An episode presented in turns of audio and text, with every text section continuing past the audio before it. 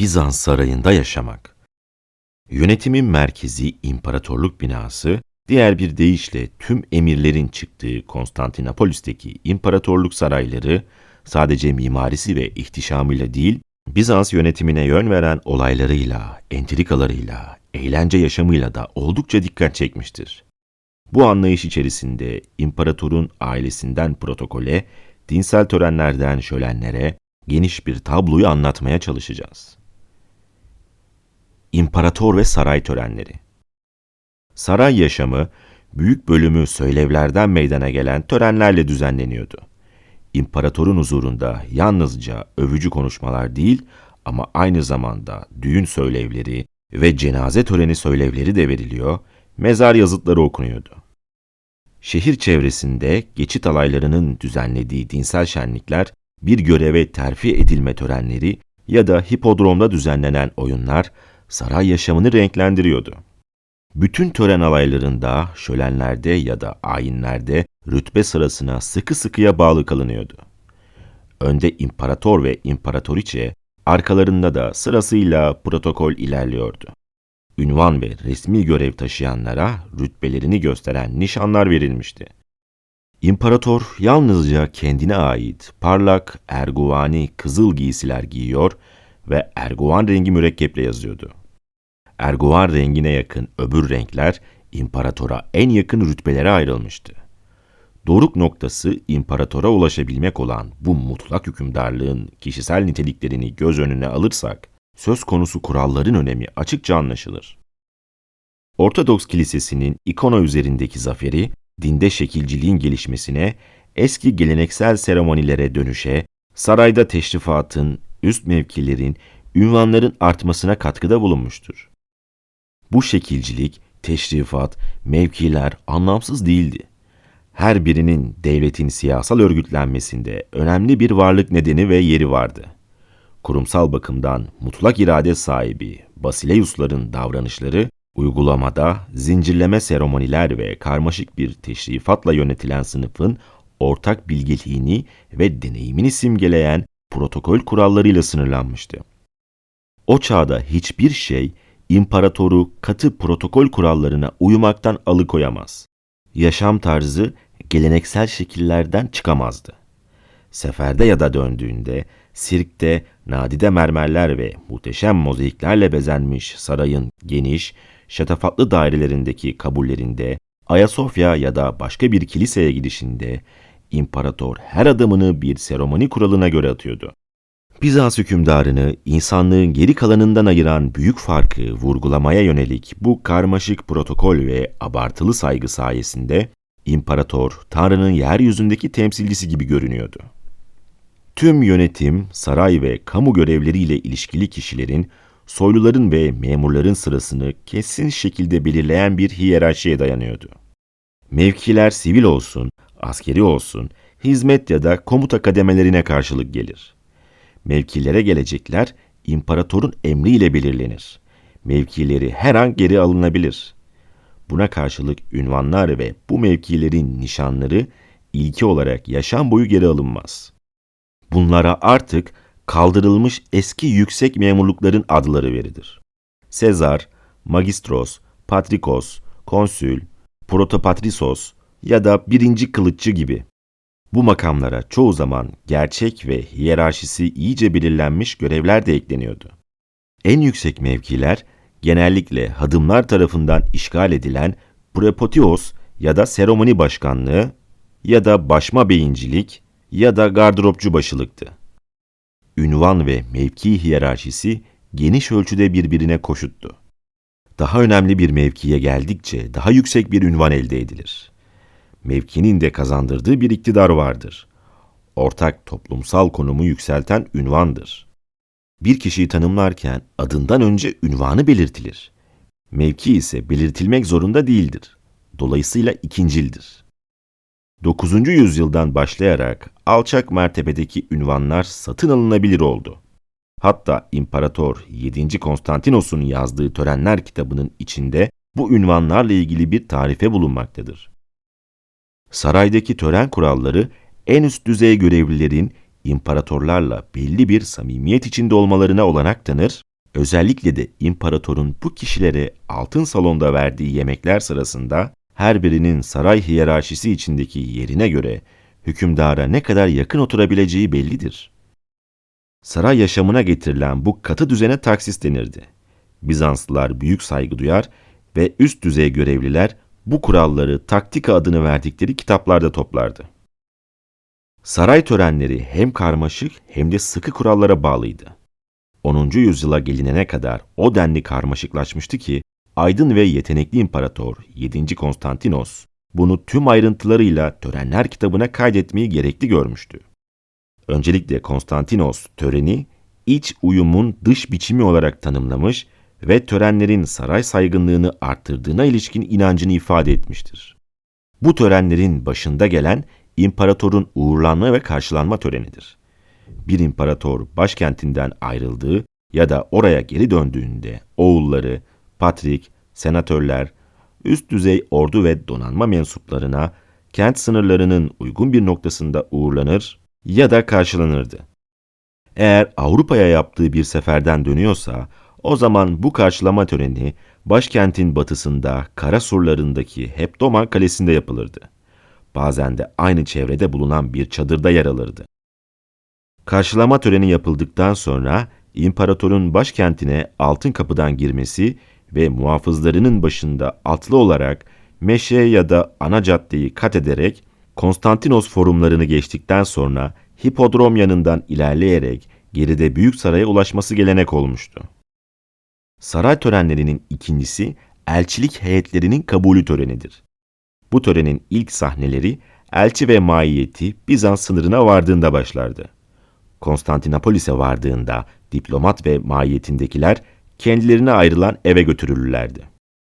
Toplantı için kararlaştırılan günde elçinin kendi hükümdarından imparatora getirdiği ve imparatordan alacağı armağanlar herkesin görebilmesi için sarayda sergilenirdi. İmparatoru görür görmez herkesin dizleri üzerine çökmesi beklenirdi.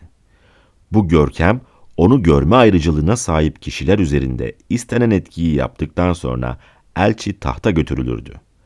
Ama ilerlerken Basileus'un önünde diz çökmek üzere üç kere durdurulurdu.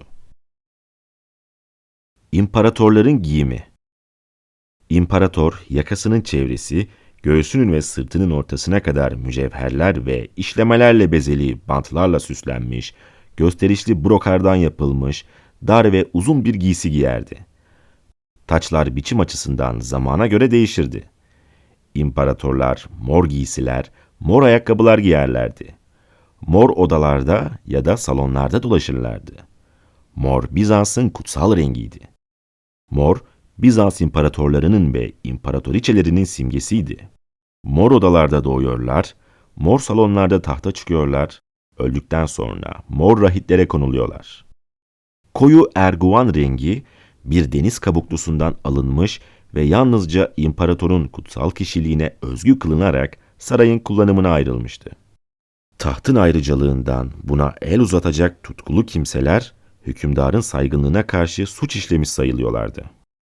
Erguvani ipek kumaş yalnızca imparatorun kullanımı içindi.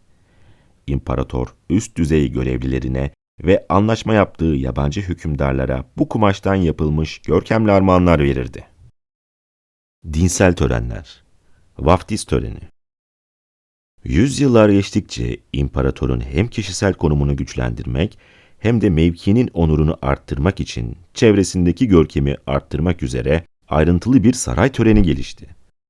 İmparatorun her kesime görünüşü tıpkı deptebeli bir dekor önünde değişmez bir biçimde gözler önüne serilen bir bale gösterisi gibi kurallara uygun olarak düzenlenmiş ve tasarımlanmıştı. Katedrale giderken ve dönerken yapılan resmi törenlerde yer alan herkes beyaz giysiler giyiyorlardı. İmparatorluğun en soyluları alayın en önünde yürürdü. Onları binlerce yıldız gibi parıldayan, yakılmış mumları taşıyan imparatorluk alayları izlerdi. Yüksek mevkideki bir soylu, imparatorun bebeğini taşırken, erguvan giysiler içindeki babası onun peşinden giderdi. Seyirciler bile gösterişli giysiler giyerdi. İmparatorun defnedilme töreni Bir imparator öldüğünde gövdesi, başında tacı, üzerinde divistasyonu, ve erguvan rengi papuçlarıyla 19 klinili salona konurdu. Ayasofya Katedrali'ne bağlı olan ruhban sınıfı ve senatörler ağıtlar söyleyerek çevresinde dururlardı. Üç kere git imparator, efendilerin efendisi, lordların lordu seni çağırıyor diye bağırdıktan sonra imparatorun gövdesi saray muhafızları tarafından Kalke'ye götürülürdü. Oradan da Messe yoluyla son dinlenme yerine taşınırdı. Ölen hükümdarın son dinlenme yerine varıldığında öne çıkıp gir imparator, kralların kralı, efendilerin efendisi diye bağırmak teşrifatçıya düşerdi. Ve sonra da yine o tacını çıkar diye bağırırdı. Bu sözler üzerine devlet tacı ölü adamın başından çıkarılır ve yerine erguvan renginde bir çember takılırdı. Bundan sonra tabut kapatılır ve gömülürdü. Bir imparatoriçe söz konusu olduğunda da benzer bir tören yapılırdı. Dinsel bayramlar İsa'nın temsilcisi rolündeki imparatorun dinsel bayramlarda yerine getirmesi gereken görevleri vardı. Pagan geleneklerinden birçoğu Hristiyan törenlerine uyarlanmıştı. Böylece bir pagan geleneği olan 15 Ağustos'ta bağ bozumunun kutlanması, imparator ve patriğin pek uzak olmayan bir bağda bağ bozumu bayramını kutlamak üzere bir alayın başında kenti terk etmeleri için bir nedendi. Bu gibi olaylarda imparatorun atının bacaklarına ve kuyruğuna ipek kurdeleler bağlanır ve koşumlarına mücevherler takılırdı. Noel gününün saptandığı 10. yüzyılın sonuna kadar Güneş Tanrısı'nın onuruna 25 Aralık'ta ulusal bir bayramın kutlanması gelenek olmuştu. Bu kutlamalar sırasında Güneş Tanrısı'nı temsil eden imparator, köken olarak Güneş Tanrısı'nın simgesi olan bir hale ile ortaya çıkarak bir tür geleneksel bir pandomim oynardı. İmparatorla konuklarının Noel günü 19 divanlı evde nasıl akşam yemeği yedikleri üstüne kronolojik olarak 300 yılı kapsayan en az 4 tasvir var.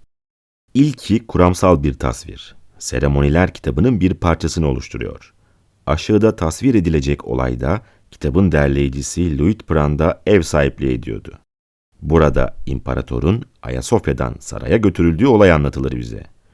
Hükümdarın bu özel günde akşam yemeğinde yanında hazır bulunanlar tarafından nasıl dalkavukça bir alkışla selamlandığı anlatılır.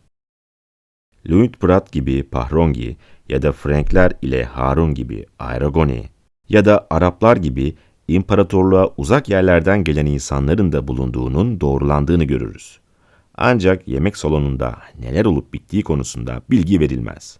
İkinci tasvir 949'da ziyaretlerinin ilkinde Konstantinopolis'in hala onu etkileyecek bir gücü olduğu zamanda Luitprat'tan gelir.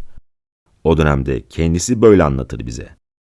Akşam yemeğinde uzanma uygulaması sarayda bile istisna haline gelmişti. Hz. İsa Efendimizin bizzat doğduğu günde burada sofraya daima 19 yemek takımı konulur. İmparator ve konukları bu vesileyle normal olarak yaptıkları gibi sofraya oturmayıp divanlarına uzanırlar ve her şey gümüş değil altın kaplarda sunulur. Ama yemeklerden sonra adamların kaldıramayacağı kadar ağır olan ve mor kumaşla örtülü sedyeler üstündeki üç altın çanakla meyve getirilir. Bunlardan ikisi sofraya şöyle konulur. Tavandaki açıklıklardan aşağı altın yaldızlı deriyle kaplı ve altın halkalarla donatılmış üç ip asılıdır. Bu halkalar çanaklardan çıkan kulplara tutturulur ve alttan yardım eden üç ya da dört adamla çanaklar tavandaki hareket edebilen bir aygıt yoluyla sofranın üstüne indirilir ve aynı yolla tekrar kaldırılır. Noel'de şunlar olur. İmparator Müslüman tutsakları getirir ve bu masalara oturtur. İmparator altın masasında yerini aldığında her biri iki tekerlekli küçük arabaların üstünde dört altın kap getirilir. Bu kaplardan inci ve yakutlarla kaplı olan birinin Davut'un oğlu Süleyman'a, benzer biçimde kaplanmış olan ikincisinin Davut'a, üçüncüsünün İskender'e ve dördüncüsünün Konstantinos'a ait olduğu söylenir. Bunlar imparatorun önüne konur ve başka hiç kimse o kaplardan yiyemez. İmparator sofradayken onlar orada durur. O kalktığında onlar da kaldırılır. Ondan sonra Müslümanlar için başka masaların üstünde birçok sıcak ve soğuk yemek konur ve imparatorluk teşrifatçısı duyuruda bulunur. İmparatorun başı üstüne yemin ederim ki bu yemeklerde hiç domuz yoktur. Bunun ardından irili ufaklı gümüş ve altın tabaklardaki yemekler imparatorun konuklarına sunulur. Sonra ork denilen bir şey getirilir.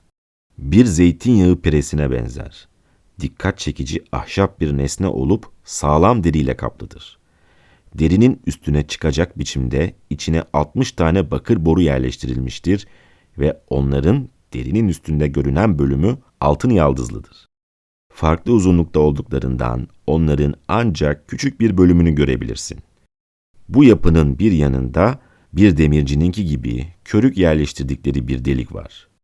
Orgun iki ucuna ve ortasına üç haç yerleştirilmiştir. Körüğü çıkartmak için iki adam gelir ve usta ayakta durup boruların üstüne basmaya başlar ve her boru akorduna ve ustanın çalışına göre övgü ezgisini seslendirir. Bu arada konuklar masalarına oturtulur ve ellerinde zillerle 20 adam içeri girer. Konuklar yemeği sürdürürken müzik de sürer gider. Saray eğlenceleri Bizans şenliklerinin sayısı yüksekti. Konstantinopolis'te ya da diğer büyük kentlerde oturduğundan hipodromdaki sirk gösterilerine ve araba yarışlarına başkanlık etmek imparatorun göreviydi. Kökeni pagan olmasına karşın bu tür eğlenceler Bizans tarihinin büyük bir bölümünde yalnızca kentin kurulmasının onuruna 11 Mayıs'ta özel kutlamaların yer aldığı Konstantinopolis'te değil, belli aralarla çevredeki diğer hipodromlarda da düzenleniyordu. Bu olayların başlıca öğesi her arabaya yan yana dört altın koşulduğu araba yarışlarıydı. Konstantinopolis'te oyunların başlaması için işaret vermek imparatora düşüyordu. Her günün sonunda yarışlar bittiğinde kazananlara ödüllerini dağıtırdı. Bunlar bir tür altın arma, gümüş bir miğfer, bir kemerden oluşurdu. Ayrıca elçilerin görevlerini bitirmesinden sonra çoğunlukla imparator onun onuruna bir şölen verirdi. Konuklar kesin bir öncelik sırasına göre oturtulurdu. İmparatorun günlük yaşamı Yasa ve düzenin tek kaynağı olan imparator, zorunlu olarak çok meşgul bir insandı. Onun için gün uzundu. Her sabah kapısının üç kere vurulmasıyla uyandırılırdı. Dua etmek üzere altın salona giderdi. Sonra kahvaltısını etmek üzere altın tahtına otururdu. Kahvaltısını ettikten sonra mabeyindisini kabul eder ve o günün işlerini onunla görüşürdü. Sonra kendisiyle görüşülecek önemli işleri olan bakanları ve görevlileri kabul ederdi. O günün işleri sonuçlandırıldığında bakanlar çekilirdi. Ama Patrik çoğunlukla imparatorla öğlen yemeği yemek üzere kalırdı. İmparator hemen hemen düzenlenen her resmi belgeyi imzalamak zorunluluğundaydı. Her belgenin tepesine özel bir yazı türüyle ve çok büyük harflerle imparatorun adı ve ünvanı yazılır, imparator imzasını erguvan rengi mürekkeple belgenin altına atardı. İmparatorun imzaladığı her belge arşiv dosyalarına kaydedilirdi. İmparatorlar çok meşgul kimseler olmalarına ve Bizans yaşamının dikkatle tanımlanmış kurallarla sıkıca denetlenmesine karşın Bizans hükümdarlarının yalnızca birer kukla olduklarını düşünmek yanlış olur. Hepsi de dengeli ve sağlam kişilikli insanlardı. Birçoğunun ilgilendiği pek çok konu vardı ve boş saatlerini kendi kişisel zevkleriyle ilgilenerek geçirirlerdi. Bazıları çok arkadaş canlısıydı ve kendileriyle ve aile bireyleriyle resmi olmayan yemeklere katılmaları için konuk davet etme alışkanlığındaydılar. Ve buna karşılık uyruklarının evlerindeki yemek davetlerini de kabul ederlerdi. Hepsi de gizlilik içinde tam bir aile yaşamı sürerdi. 6. Leon, polisin serserilerin tutuklanması için verdiği emri uygulayıp uygulamadığını bizzat görmek üzere geceleyin yalnız başına ve kılık değiştirerek Konstantinopolis sokaklarında gezmeyi alışkanlık edinmişti. Leon haber vermeden manastırları gezmeyi ve son dakikada yemek yemek üzere orada kalmayı çok severdi. Dördüncü Mikail devrim korkusu içinde yaşıyordu ve insanların ona karşı fesat tertip edip etmediklerini Bunun için gruplar halinde toplanıp toplanmadıklarını görmek üzere şehir sokaklarında atıyla dolaşırdı. İmparator ailesinin özel yaşamı bütün imparatorluk saraylarının kapıları düzenli bir biçimde her öğleden sonra saat 3'te kilitlenir ve ertesi gün şafakla birlikte açılırdı. Kapıları kapama ve açma görevi aynı zamanda papazlık rütbesine erişmiş bir rahip olan kapıcı başına verilmişti. İmparatorluk ailesinin özel yaşamı kapıların kapanmasıyla başlardı. Yaz akşamlarında erkekler ok ve cirit atmak ya da güreş karşılaşmalarını izlemek gibi sporlarla uğraşırdı. 8. Konstantinos, gladyatör dövüşlerini çağrıştıran bir dövüş olan Cimpodia'yı yeniden gündeme getirmişti. 6. yüzyılda satranç ve tavla gibi oyunlar doğudan Konstantinopolis'e gelmişti ve sık sık sarayda oynanıyordu. 8. Konstantinos, dama ve zar oyunlarının tutkunuydu. 9. yüzyılda Teopilos, İran'dan poloyu getirdi. Polo kısa bir sürede Bizans'ta yaygınlaştı. Konstantinopolis'teki ve diğer kentlerdeki hipodromlarda sık sık halka açık maçlar düzenleniyordu. 13. yüzyılda o kadar yaygındı ki Trabzon İmparatorluğu kurulduğunda oranın imparatorları için özel bir polo sahası yapıldı. Konstantinopolis'teki imparatorlar bu oyundan o kadar hoşlanıyorlardı ki birçoğu bu oyunu kendi özel polo sahalarında oynuyorlardı. Ama hava kötü olduğunda da soytarılar, cüceler, taklitçi komedyenler ve akrobatlar soylu efendilerini eğlendirmek üzere her zaman el altındaydılar. Komnenosların saltanatı sırasında yaşam özellikle şen ve tasasız, biraz batılı ve temelde çağdaştı. Bu hanedanın imparatoriçeleri, Soyfiye'deki villalarında balolar, konserler ve mim gösterileri düzenlemekten çok hoşlanırdı. Bu villalar baştan beri imparatorların köşklerini, atış kulübelerini ve şatolarını yaptırdıkları başkentin dışındaki çekici çevrelerde olurdu. Saray kadınları Eski çağ Hristiyanlığında ve özellikle manastır çevrelerinde kadın iki zıt kutup içerisinde değerlendirilirdi. Bir yanda kadın içinde Havva'nın izini taşıyan, kendini beğenmiş, itaatsizliğin sembolüdür ve ahlaki olarak yükselmek isteyenler için büyük bir engeldir. Öbür tarafta ise kadın aynı zamanda Meryem'dir. Kontrollü, mütevazi ve kendisini dine hizmete adamış kadınlar övülüyor, özellikle din için şehit veya gazi olmuş ve manastır ehli kadınlar erkeklerle eşit olarak görülüyordu. Her ne kadar bilgimiz yeterli olmasa da görebildiğimiz kadarıyla yönetimdeki erkeklerin çoğunluğu ikinci sınıf kişiler, dince sözü geçenlerse kadınlardı. Bu kadınlar gerçekten etkileyici kişiliklere sahipti. Yalnızca kilise ve manastır konularında çok önemli bir işlevi yerine getirmekte kalmıyor, aynı zamanda diğer meselelerde de aktif bir şekilde yer alıyorlardı. Ve onlar Bizans tarihindeki güçlü rollerini sürdürdüler. Bizans kadın düşmanlığı konusunda ünlüdür ve çoğunlukla ataerkil bir devlet olarak gösterilmiştir. Kuşkusuz Bizans'ta kadın düşmanları vardı.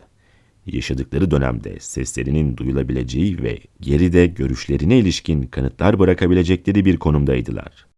Eğitimli din adamları sınıfının üyeleri ya da okur yazar çileciler olarak kutsallıkları dolayısıyla çağdaşlarından saygı görüyorlardı. Yazdıkları toplanıyor, sonraki kuşağın yararlanması için kopya ediliyordu. Tarihçilerin çalışmaları için bu yazılar yok olmadan korunabildi. Çünkü kendi dönemlerinde önem taşımaktaydı. Ne var ki kadınlar üstüne pek gönül okşayıcı olmayan görüşlerin ya da buyurgan eleştirilerin çokluğu bazı şeyleri haber vermektedir. Yasa, vaaz ya da benzeri şeylerin seslendirilme sıklığı çoğunlukla söz konusu malzemede ifade edilen gereklerin yerine getirilmediğini gösterir. Ataerkil bir toplumda bitmeyen sorun bu şekilde ifade edilebilir.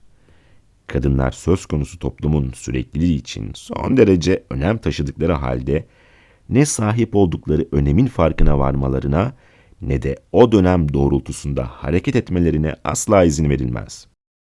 Bizans gerek ekonomik gerekse çocuk doğurma açısından kadınların önemini özellikle hukuk alanında kabul etmiştir.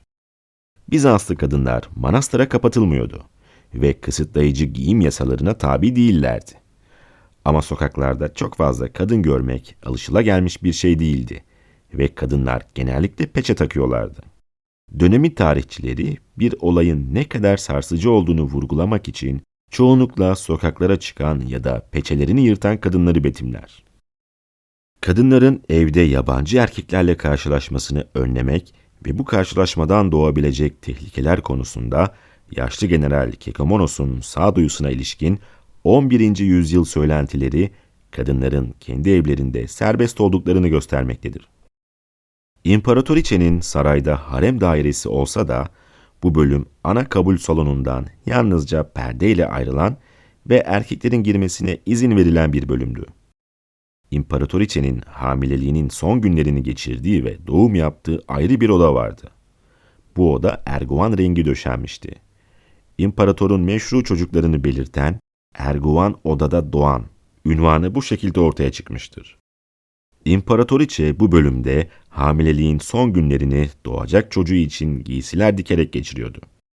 Giysi dikmek her toplumsal düzeydeki kadın için kuşkusuz tek ticari etkinlik olmasa da en önemli etkinliklerden biriydi.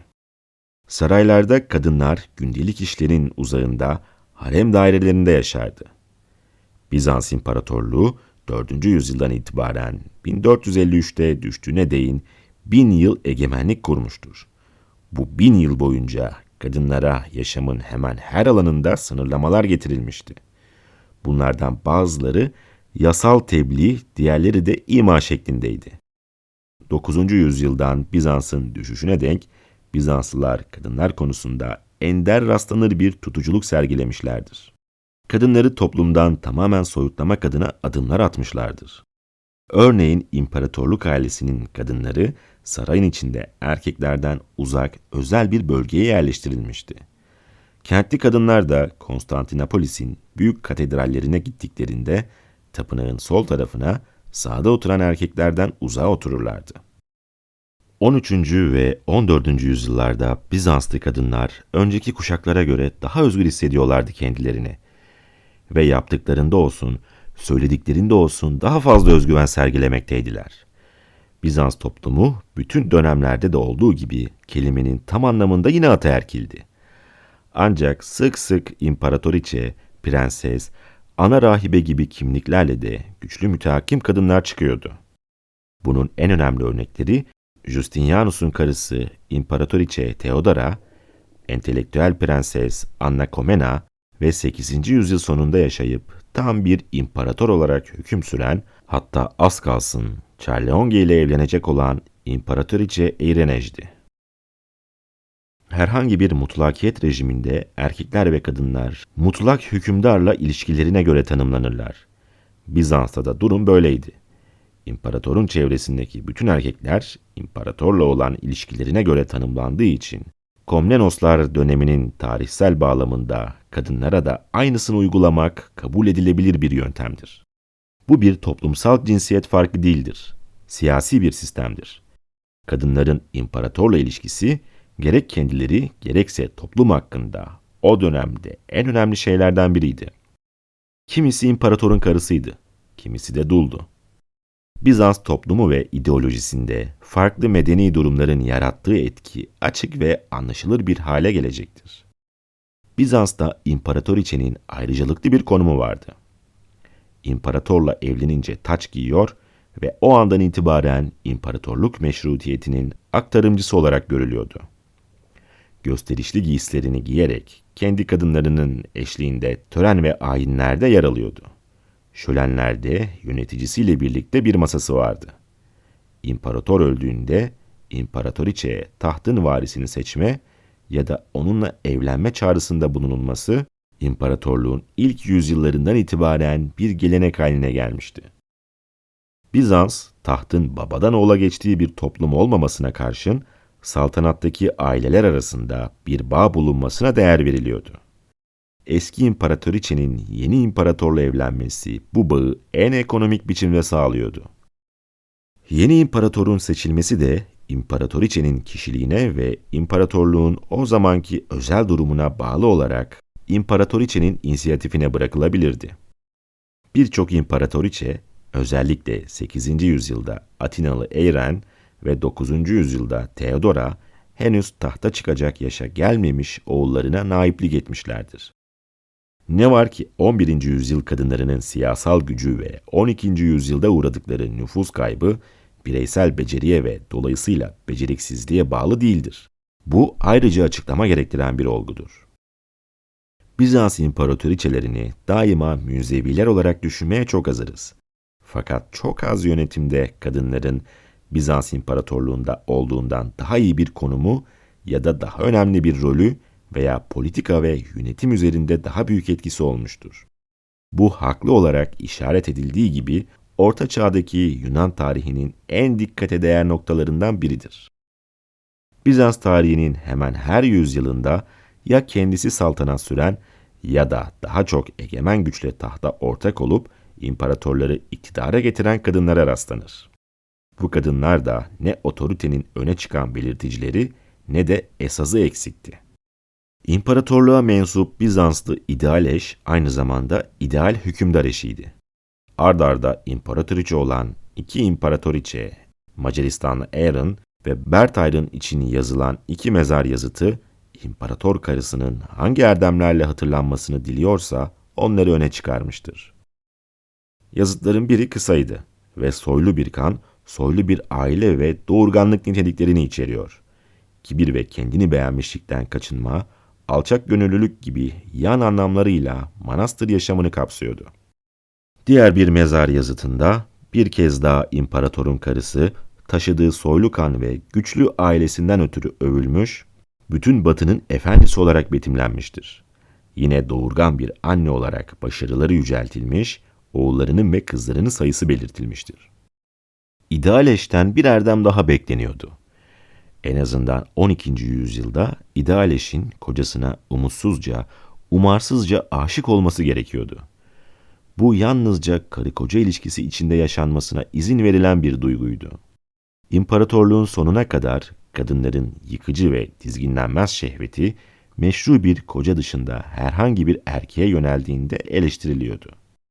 Akomanitos'un 12. yüzyıl tarihi tutkularını dizginleyemeyen ve zina işleyen kadınların sayılıp dökülmesiyle doludur. Ama yasal gereklere uyulduğunda Bizanslılar duyguların dışa vurulmasından yanaydılar. Prodromos'un Anna Komene'nin Kafkas gelini Theodora için yazdığı mezar yazıtı, bir erkekle karısı arasındaki aşkın dokunaklı bir tablosunu çizmektedir. Theodora hastaydı, ölmek üzereydi ama hiç şikayet etmiyordu. Tek dileği sefere gitmiş olan, canı kadar sevdiği kocasını görebilecek kadar yaşamaktı.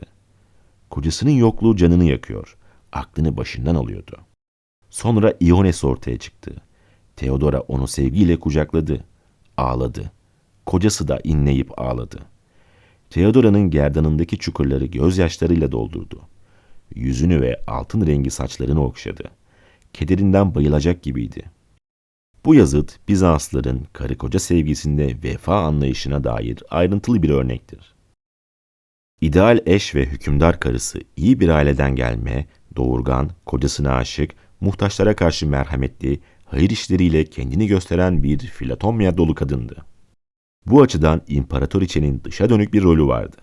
İnsanlarla konuşması, onların gereksinimleriyle ilgilenmesi bekleniyordu. Bir dereceye kadar adaletin çarklarına da müdahalede bulunabilirdi. İmparatoriçenin merhameti, suçluları ölüm cezasından kurtarabilirdi. Kuşkusuz böyle bağışlanma taleplerine yalnızca imparator uygun bulursa karşılık veriliyordu. Ama ideal rolün içinde adalete aldırış etmemeye varan bir merhamet, bir eş ve hükümdar karısı için erdem sayılıyordu. İmparatoriçeler içinde biri vardır ki Theodora, Kıbrıslı bir Yunanlıydı. Babası Konstantinopolis hayvanat bahçesinde bakıcıydı. Zaten yozlaşmış toplumun değerlerini daha gençken umursamama cüretkarlığı ona yarım dünyanın kraliçesi ünvanını kazandırdı. Daha da artan cüretkarlığıyla Doğu yarım kürenin imparatoriçeliği konumuna yükseltildi. Fakat Theodora düşüncesiz ve uçarı bir kadın değildi. Ayrıca ister şarkıcılığı benimsesin, isterse azizeliği, seçtiği yolda çekinmeden yürürdü. Theodora'nın ününü gölgeleyecek, onu unutturacak girişimler olmuşsa da, güçlü kişiliği Bizans'ın mozaikleri gibi parıldamaktadır. Kuşkusuz tövbekar olması ve dışarıdaki yaşamdan elini çekmesi Justinianus'a kurduğu bir tuzaktı. Justinianus onu sabahtan akşama kadar tavan arasındaki gösterişsiz odada iplik eğirirken bulurdu. Justinianus'un kalbini kazandıktan sonra kendisiyle evlenmeye ve beraberce tahta çıkmaya muvaffak olunca herkesin nefret ve hayretine mucip olmuştu. Yaşadığı müddetçe ki 548'de ölmüştür, imparatorun üzerinde mutlak bir nüfus sahibi olduğu ve devleti onun kadar belki ondan daha fazla idare ettiği muhakkaktır. Kusurlarına rağmen ki parayı nüfusu severdi ve tahtı muhafaza için ekseriye hain, gaddar, kinlerini unutmazdı, bu büyük şahsiyetin yüksek kabiliyetleri, şiddeti, metaneti, kararlı ve kuvvetli bir iradesi, doğru ve berrak bir siyasi duygusu vardı ve belki şahane kocasından daha doğru görüyordu. Theodora gözü pektiğini halkın arasındaki kargaşalar ve saraydaki terör olaylarına kadar uzattı. Evlendikten sonra namuslu, hiçbir tartışmaya meydan vermeyecek denli temiz kalmıştır ve amansız düşmanları bile bu konuda ona karşı hiçbir söz söyleyememişlerdir. Evliliğinin 24. saltanatının 22. yılında kanserden öldü.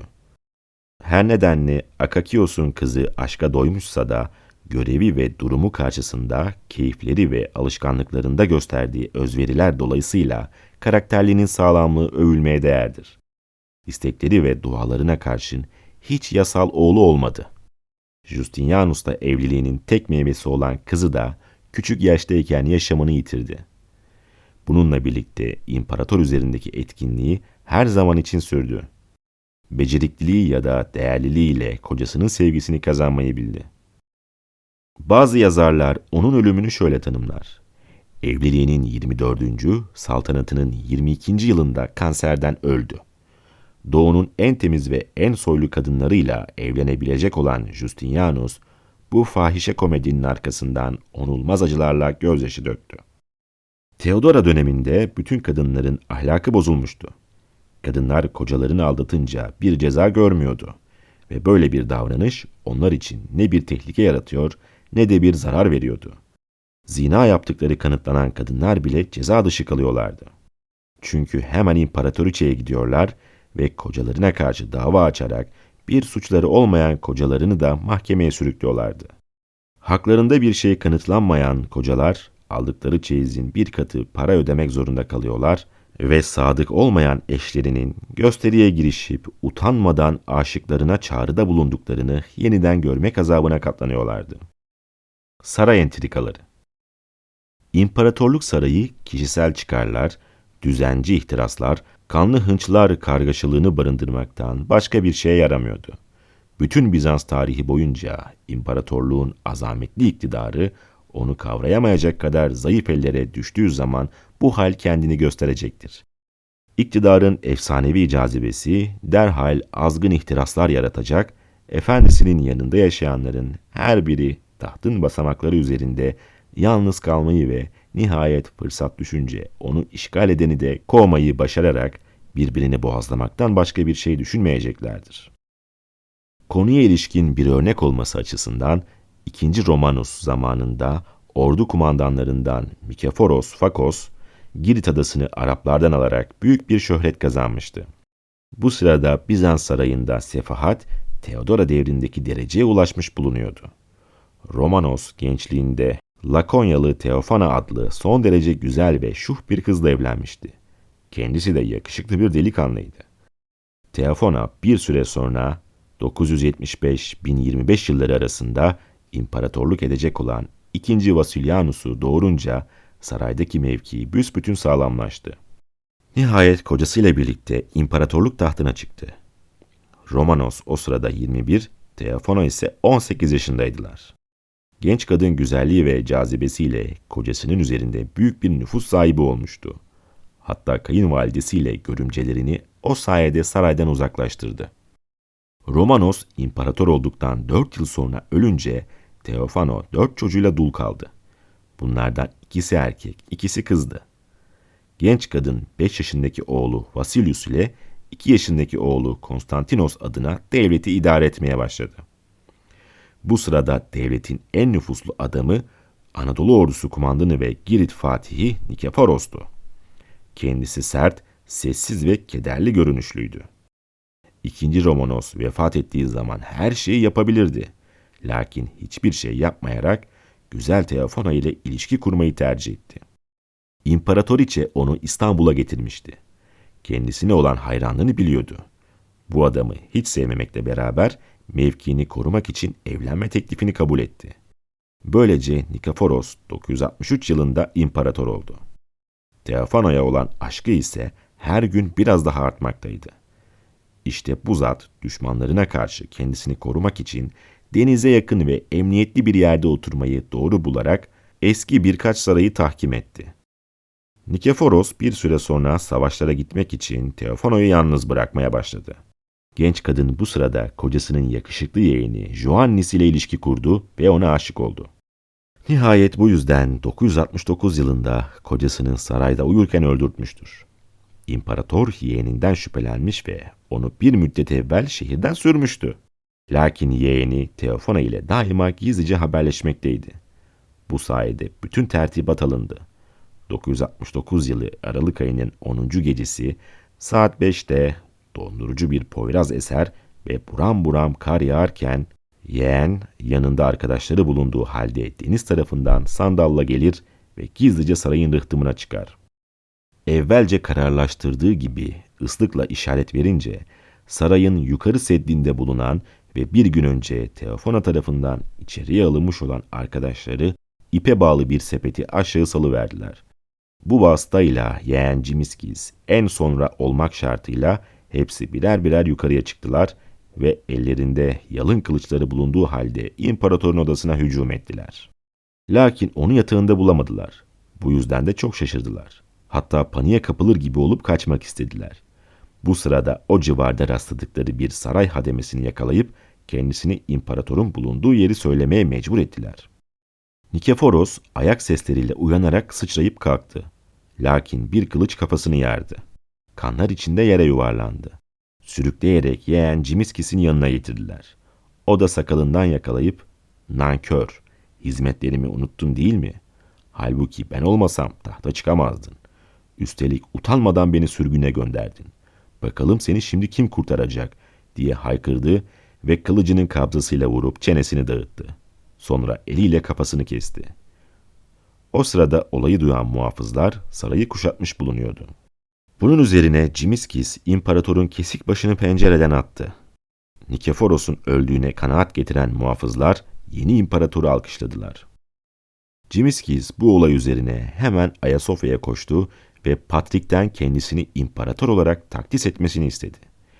Lakin Patrik, kocasının katili Teofona ile ilişkilerini kesmedikçe bunu yapamayacağını söyledi. Cimiskis, cinayete iştirakini kesin şekilde reddederek onu feda edip imparator oldu. Cimiskis'le evlenmeyi uman Teofona ise Kınalı Adadaki manastıra kapatıldı. Henüz 29 yaşında bulunan ve bütün güzelliğini muhafaza eden genç kadın bu düşüşe katlanamadı. Bir ay sonra Kınalı Adadan kaçıp Ayasofya'ya sığındı. İmparator bunu haber alınca hemen yakalatarak Anadolu'ya sürülmesini emretti. Teofona bunun üzerine son bir görüşmede bulunmak için yalvardı.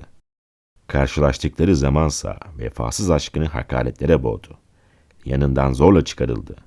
Cimiskis 51 yaşında ölünceye kadar yani 7 yıl süreyle genç kadın felaket içinde yaşadı. Ondan sonra Konstantinopolis'e yani çocuklarının yanına döndü. Lakin gururu gibi hırsı da sönmüştü. Kutsal sarayın bir köşesinde itibarını kaybetmiş olarak yaşadığı ve öyle öldü. Ben denizin ötesindeki sesler. Kanalıma abone olmayı ve beni Instagram hesabımdan takip etmeyi unutmayın. Görüşmek üzere.